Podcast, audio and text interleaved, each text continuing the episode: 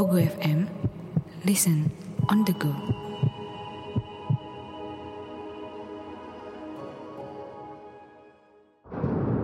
Hai, saya Chow Sing Sing. Selamat datang di podcast Horror Night Story.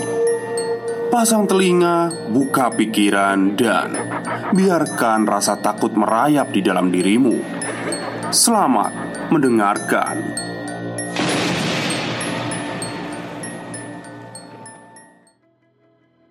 Assalamualaikum warahmatullahi wabarakatuh. Halo semuanya, jumpa lagi dengan saya Chow Sing Sing, kurator dari podcast Horror Night Story. Halo, apa kabar semuanya? Semoga kalian semua sehat-sehat ya. Dan seperti biasanya, pada hari ini saya kembali dan akan menghadirkan sebuah kisah mistis untuk kalian semua.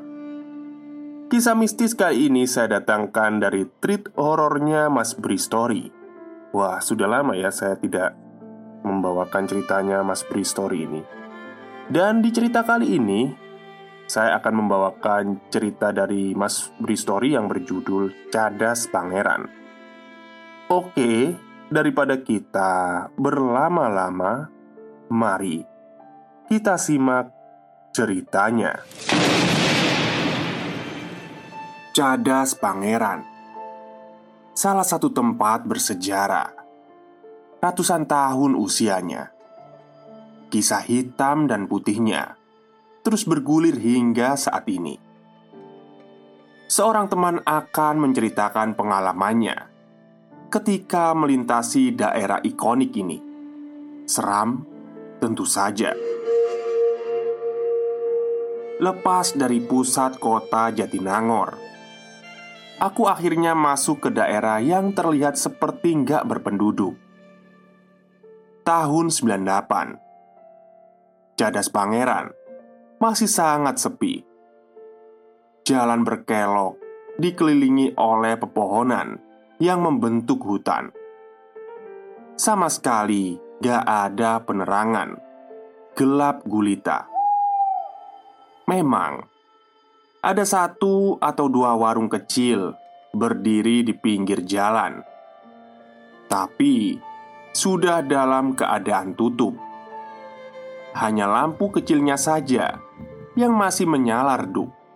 Jalanan aspal cadas pangeran ini masih cukup bagus untuk dilalui, walau ada beberapa bagian yang rusak dan berlubang. Saat itu, menemani perjalanan, aku mendengarkan siaran salah satu stasiun radio. Walaupun tangkapannya sudah nggak bagus karena kendala jarak, namun aku masih terus menyalakan dan mendengarnya. Seenggaknya membantu memecah kesunyian. Karena sudah tengah malam, stasiun radio memutar lagu-lagu slow hits yang tenar pada saat itu, ataupun lagu lawas yang masih enak didengar. Tapi berikutnya aku jadi nggak terlalu fokus mendengar radio karena lebih banyak konsentrasi memperhatikan jalan.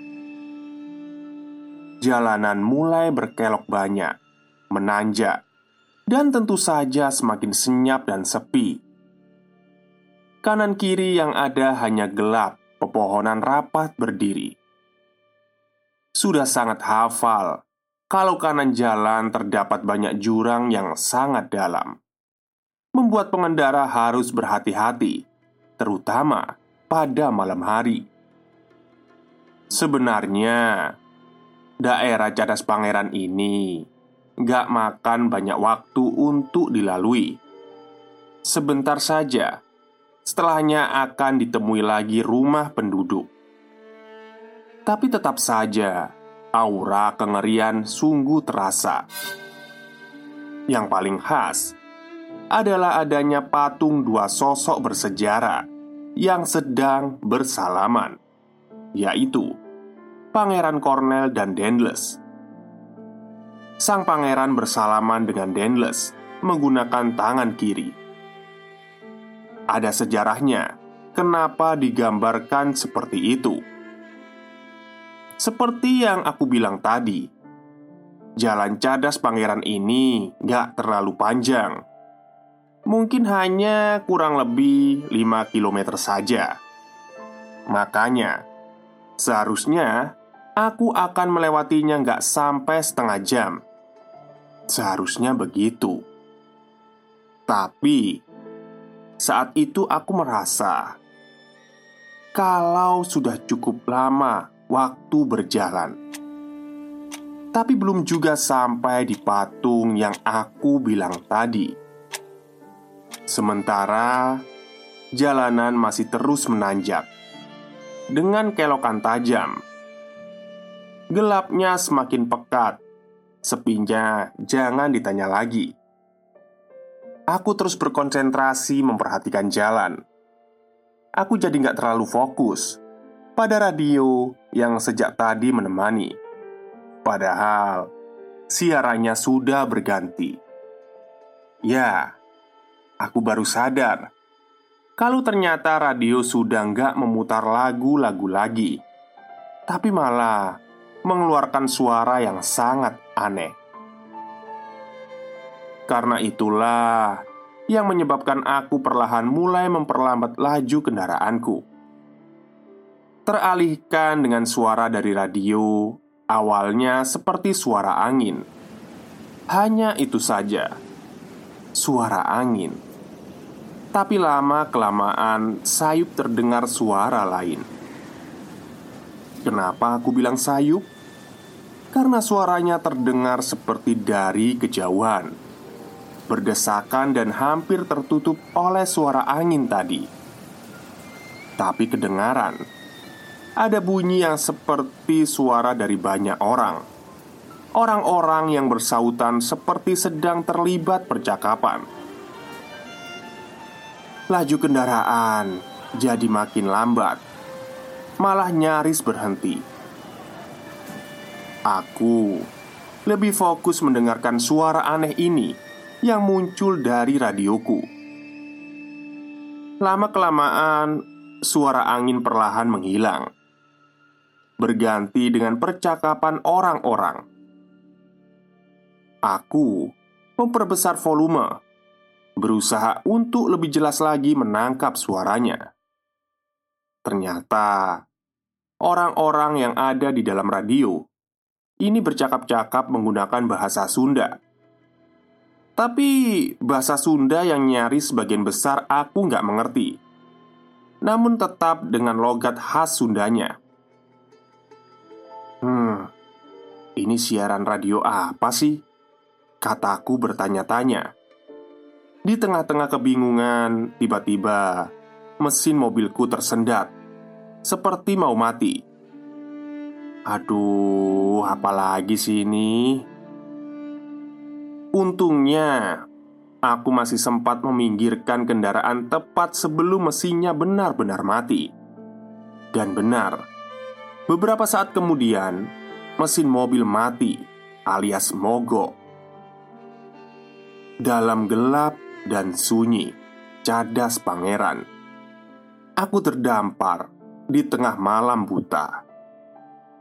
Sebentar aku masih diam di dalam, walaupun mesin mobil mati, namun radio masih terus menyala dan ada siaran yang sangat aneh Aku terus fokus mendengarkan. Karena lama-kelamaan suaranya makin aneh. Seperti sebuah percakapan orang-orang Tapi nggak jelas.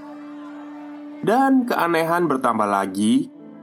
Kalau diperhatikan dengan seksama Ternyata ada suara lain.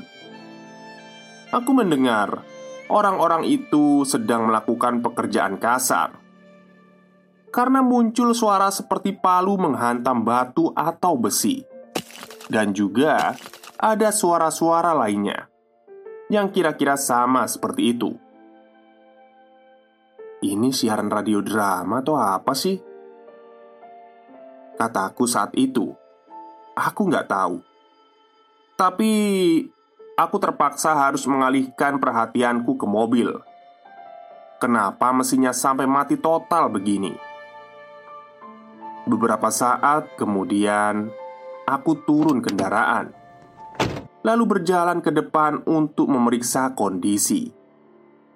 Berbekal lampu senter di tangan, aku membuka kap mesin, memeriksanya dengan mata telanjang.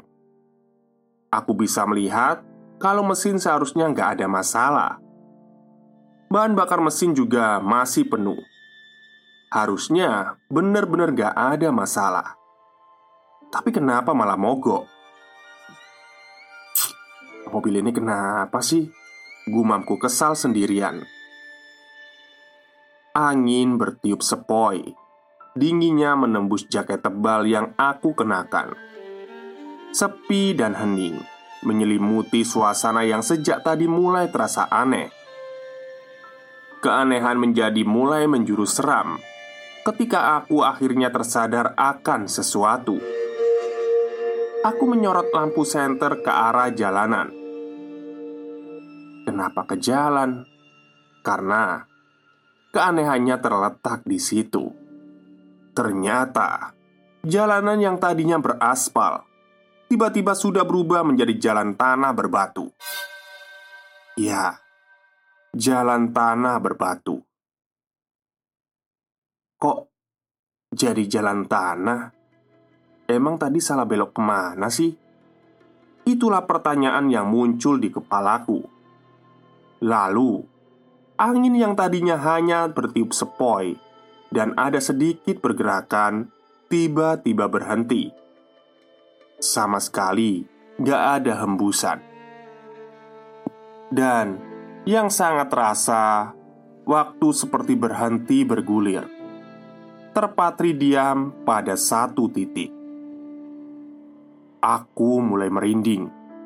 Kemudian aku menutup kap mesin, lalu bergegas masuk ke mobil. Ternyata radio masih menyiarkan siaran aneh itu. Di mobil, aku mencoba peruntungan, memutar kunci untuk menghidupkan mesin. Apesnya, ternyata masih belum bisa nyala juga. Mesin masih mati. Nah, akhirnya aku mematikan radio ketika lagi-lagi makin aneh. Dalam siarannya, tiba-tiba aku mendengar ada orang-orang yang sedang berteriak kesakitan, seperti ada penyiksaan massal. Teriakannya sungguh menggambarkan sakit teramat sangat menggerikan. Makanya aku langsung mematikan radio karena takut.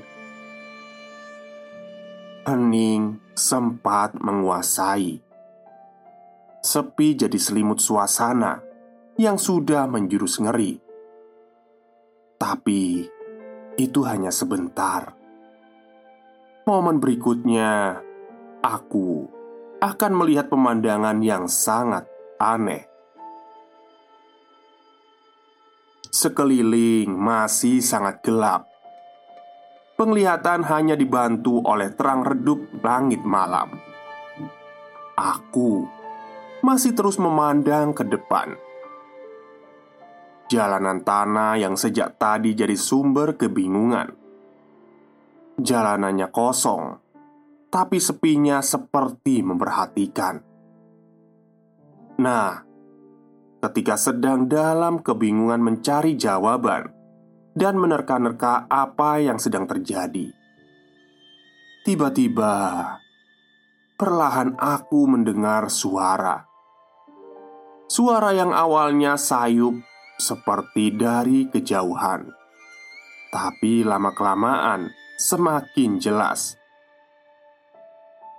Aku mendengar suara-suara yang persis sama dengan yang muncul di radio sebelumnya.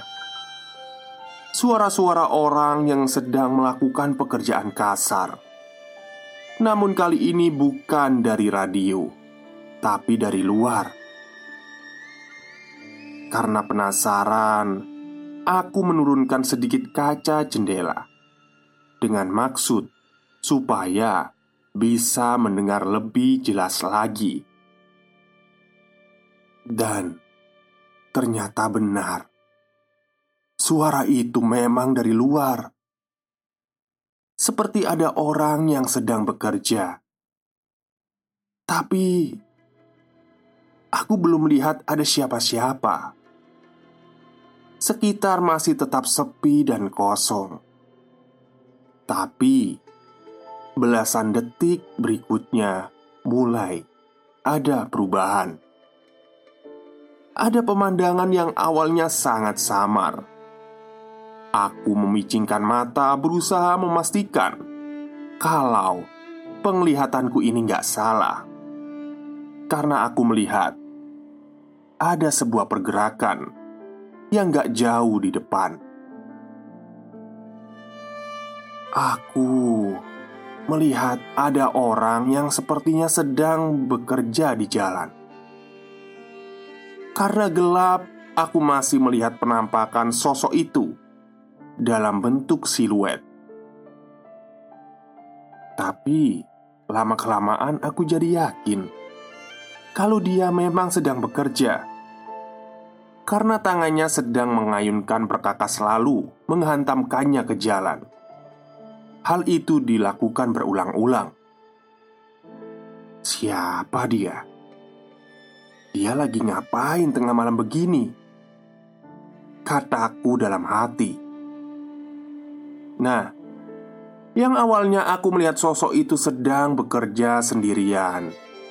Lama-kelamaan muncul sosok lain satu persatu bermunculan di tempat berbeda, berpencar, namun masih dalam wilayah yang sama.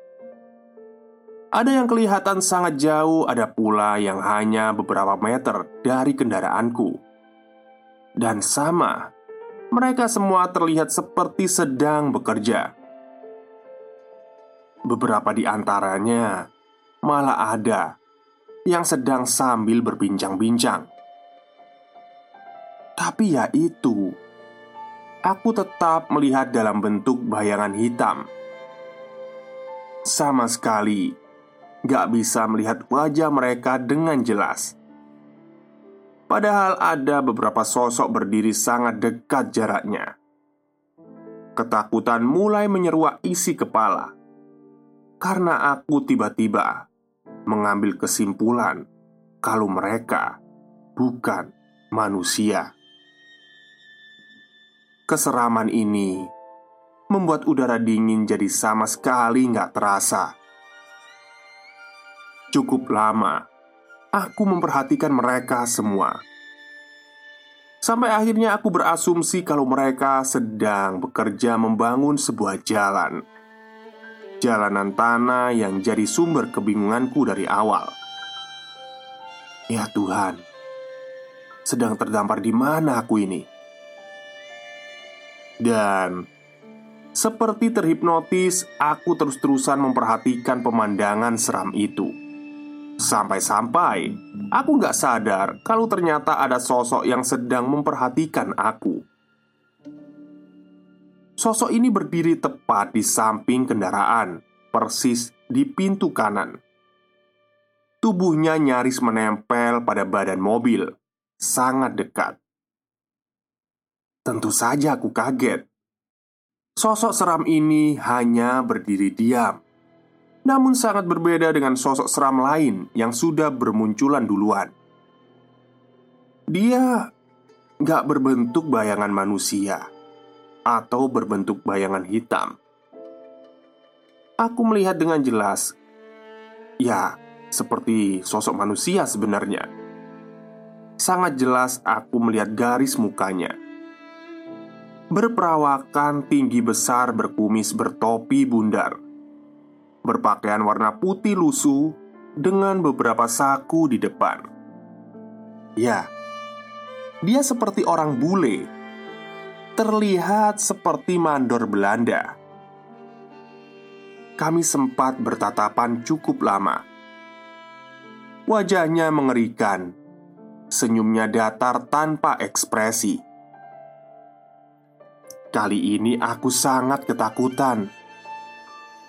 Mandor Belanda ini di tangan kanannya memegang tongkat pendek. Nah, Dengan tongkat ini, dia lalu mengetuk kaca jendela. Aku semakin panik, gak tahu harus berbuat apa. Karena gak kuat, aku menundukkan wajah, menempelkan kepala ke setir mobil. Gak berani melihat ke sekeliling, apalagi menatap sosok bule itu yang ada di sebelah kanan. Aku menangis ketakutan. Bait-bait doa mulai bermunculan di mulutku. Aku meminta pertolongannya. Sementara itu, suara ketukan jendela masih terus terdengar. Seram. Aku gak berani melihatnya lagi. Aku lebih memilih untuk terus menunduk sambil fokus berdoa. Dia mengetuk jendela terus-terusan namun, lama-kelamaan ketukan itu makin jarang dan akhirnya menghilang. Suara-suara sosok-sosok yang sedang bekerja pun ikut menghilang. Sepi dan hening mulai menguasai, tapi aku masih tetap harus menundukkan kepala belum berani melihat sekitar. Beberapa menit kemudian, terdengar suara ketukan itu lagi. Kembali tubuhku gemetar. Terus-terusan, ada yang mengetuk jendela pintu mobilku. Kang, Kang, Kang. Tapi setelahnya aku malah mendengar ada suara yang memanggil seperti itu. Tentu saja, aku langsung menoleh ke jendela. Ternyata di luar sudah ada dua orang pemuda. Yang satu berdiri di samping jendela mengetuk kaca mobil, dan yang satu lagi duduk di atas motor, lalu memandang sekitar. Ternyata sosok-sosok seram itu sudah hilang, dan jalanan sudah berubah berganti jalan aspal. Aku lalu membuka kaca jendela. Dalam bahasa Sunda, pemuda yang satu bertanya, "Kang, kenapa sendirian berhenti di sini? Mobilnya mogok." Iya. Aku menjawab begitu. "Ada yang bisa kami bantu?" Pemuda itu bertanya lagi. Aku lalu refleks memutar kunci untuk menyalakan mesin. Nah, ternyata mobil langsung menyala normal. Sama sekali nggak ada tanda-tanda kerusakan. Ah, alhamdulillah, udah nyala lagi, Kang. Makasih ya. Dengan ramah, aku bilang begitu karena merasa aku terbantu oleh mereka berdua. Ya sudah, aku lalu melanjutkan perjalananku. Aku mengikuti dua orang itu. Aku di belakang motornya, dan beberapa belas meter kemudian, akhirnya terlihat patung ikonik itu. Patung dua sosok bersejarah yang sedang bersalaman, berdiri gagah di pinggir jalan, di cadas pangeran. Sungguh pengalaman seram yang sangat berkesan. Hai, balik lagi ke gue, Bri Story. Sekian cerita kali ini. Insya Allah akan ada cerita lainnya. Sehat selalu, jaga hati dan perasaan, supaya bisa terus merinding bareng. Salam, Bri Story. Oke, itulah cerita lumayan panjang dari Mas Bria. Ya. Udah lama sekali saya tidak membacakan cerita dari Mas Bri Story ya. Jadi seperti ya nostalgia lah. Dulu awal-awal saya memulai channel ini, ceritanya Mas Bri ini sering saya bawakan ya. Mas Bri, terus Mas Simpleman, Mas Agil itu dulu sering sekali saya bawakan ya di awal-awal saya merintis channel ini. Sehat selalu untuk mereka semua, juga penulis lainnya, dan bagi kalian juga semoga sehat selalu dan tetap semangat untuk menjalani kehidupan ini. Oke, mungkin itu saja cerita pada hari ini. Semoga kalian semua suka. Selamat siang dan selamat beristirahat.